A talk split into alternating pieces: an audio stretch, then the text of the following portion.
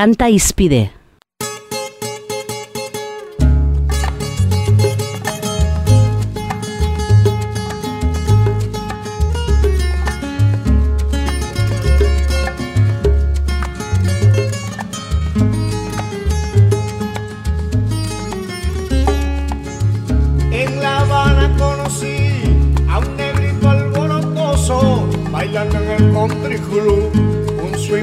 Muy sabroso. En La Habana conocí a un negrito alborotoso, bailando en el club. Un swing mambo muy sabroso, un saco muy grandulón.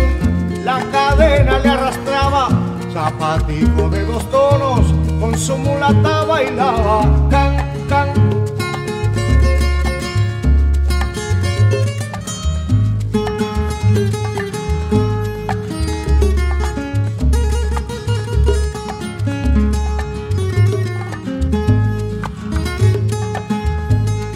Euskaldun jatorriko kubatar musikariak. Azpiazdu, garai, leizea, lekuona, mendibe, mungia, otsoa eta portuondo. Deitura sorta hori entzunda, gaurkoan Euskal Herriko musikari batzu ez jardu nahi dugula lirudike, baina deituraz gain haien ponte izena ere esan ezkero, gauzak bere alakoan argituko lirateke. Yo bailo la rumba mi mulatona. Soy el negrito, a mí me llaman La Habana.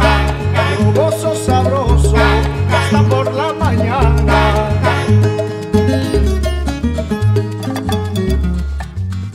Eta gauzak berealakoan argituko lirateke, musikari hoiek Don Aspiazu, Sindo Garai, Kalisto Leizea, Ernestina eta Ernesto Lekuona, Kiko Mendibe, Juan Mungia, Eliades Ochoa eta Omar Portuondo direlako. Horixe da izan ere gaur erabiliko dugun gaia, Euskaldun jatorriko kubatar musikariak. Baina ona galdera, jakinote dute inoiz musikariok beren Euskaldun jatorriaren berri?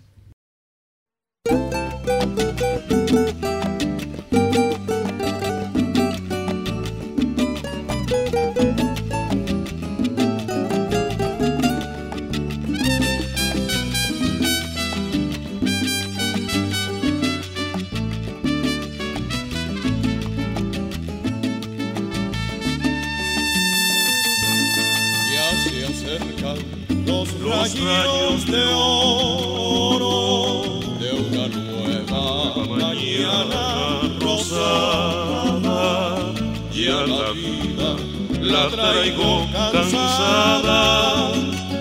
Necesito otro ambiente otro ambiente mejor. Necesito otro ambiente mejor. Sí. En esta tierra que tiembla consigo reposo. Y por amar sus mujeres la vida daría, daría. En esta tierra de genios me siento orgulloso no vengo a reír, no vengo a reír, tampoco a llorar, tampoco a llorar. Yo vengo a cantar, yo vengo a cantar para combatir.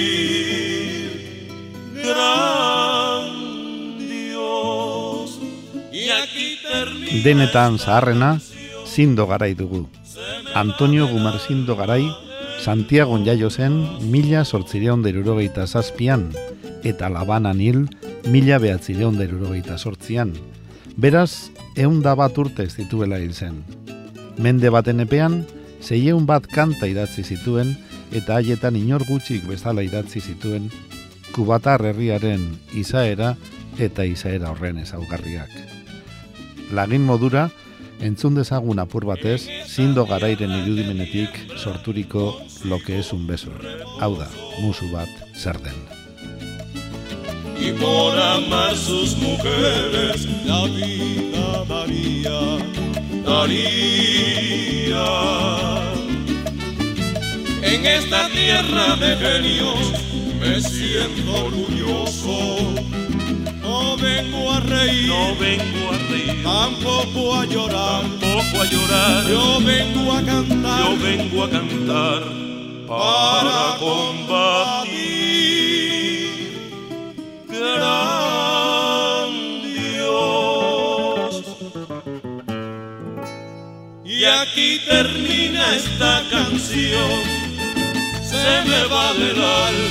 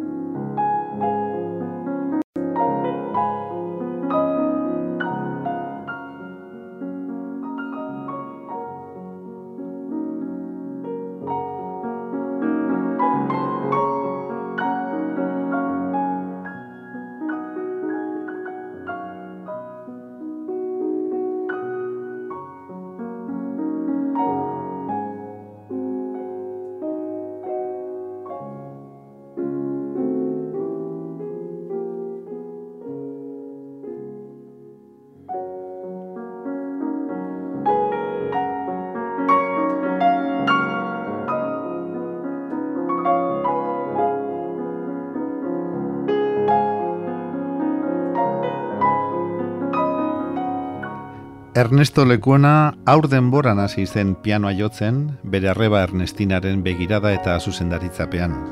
Arreba ordurako goi mailako piano jotzailea baitzen. Ernestok ere pianoa jotzeko trebetasun aparta erakutsi zuen txikitatik. Bost urte ez dituelarik, lehen piano kontzertua eskaini zuen, eta amairu urte bete bezain laster, bere lehen kompozizioak aurkeztu zituen. Ernesto Lekuona kubako musikaririk handienetako bat da, pianorako pieza astezinak utzi dituena. Entzuten ari garen, la noche azul, gau urdina, esate baterako.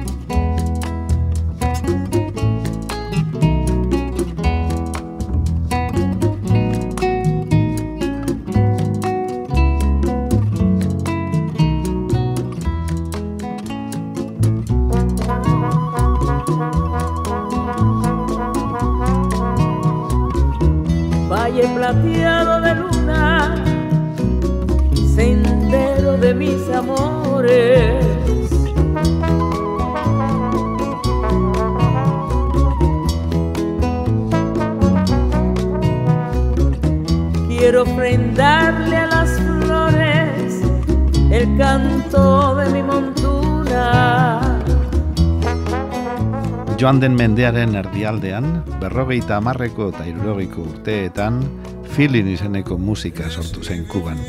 Jasa, bosanova eta boleroaren doinuak ustartzen zituena. Omara portu ondo abeslaria izan zen musika joera berriaren ordezkari garrantzitsuena. Omarak, beluzesko bere ahotxe derraz, abestu eta lastandu zuen makina bat bolero. Orain, horietako bat entzuten ari gara. El amor de mi boio, en Cholako Maite.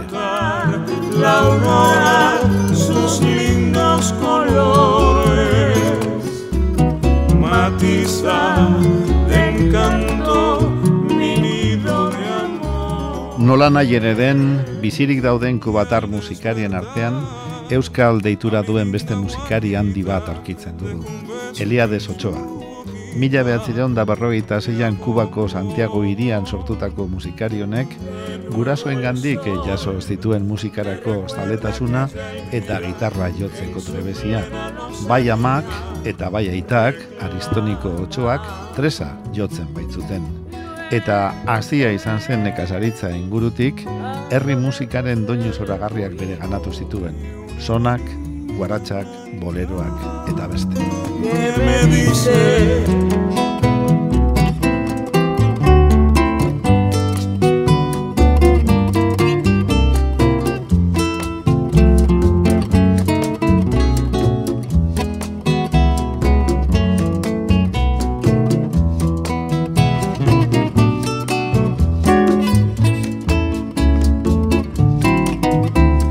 Eliades Otsoaren ospeak mila behatzireun da laurogeita mazazpian joztuen goia. Rai Kudarren eskutik eta besteak beste Ruben González, Kompai Segundo, Pio Leiba eta Ibrahim Ferrerrekin batera, Buenavista Social Club izeneko diskoak grabatu, Grammy saria irabazi eta Kubako musika tradizionala mundu guztira zabaldu zuenean. Saio amaitzeko, Cambio de profesión, lanbide aldaketa deritzan kantu araia eskainiko digu Eliades Otsoak, Kubako herri musikaren erakusgarri.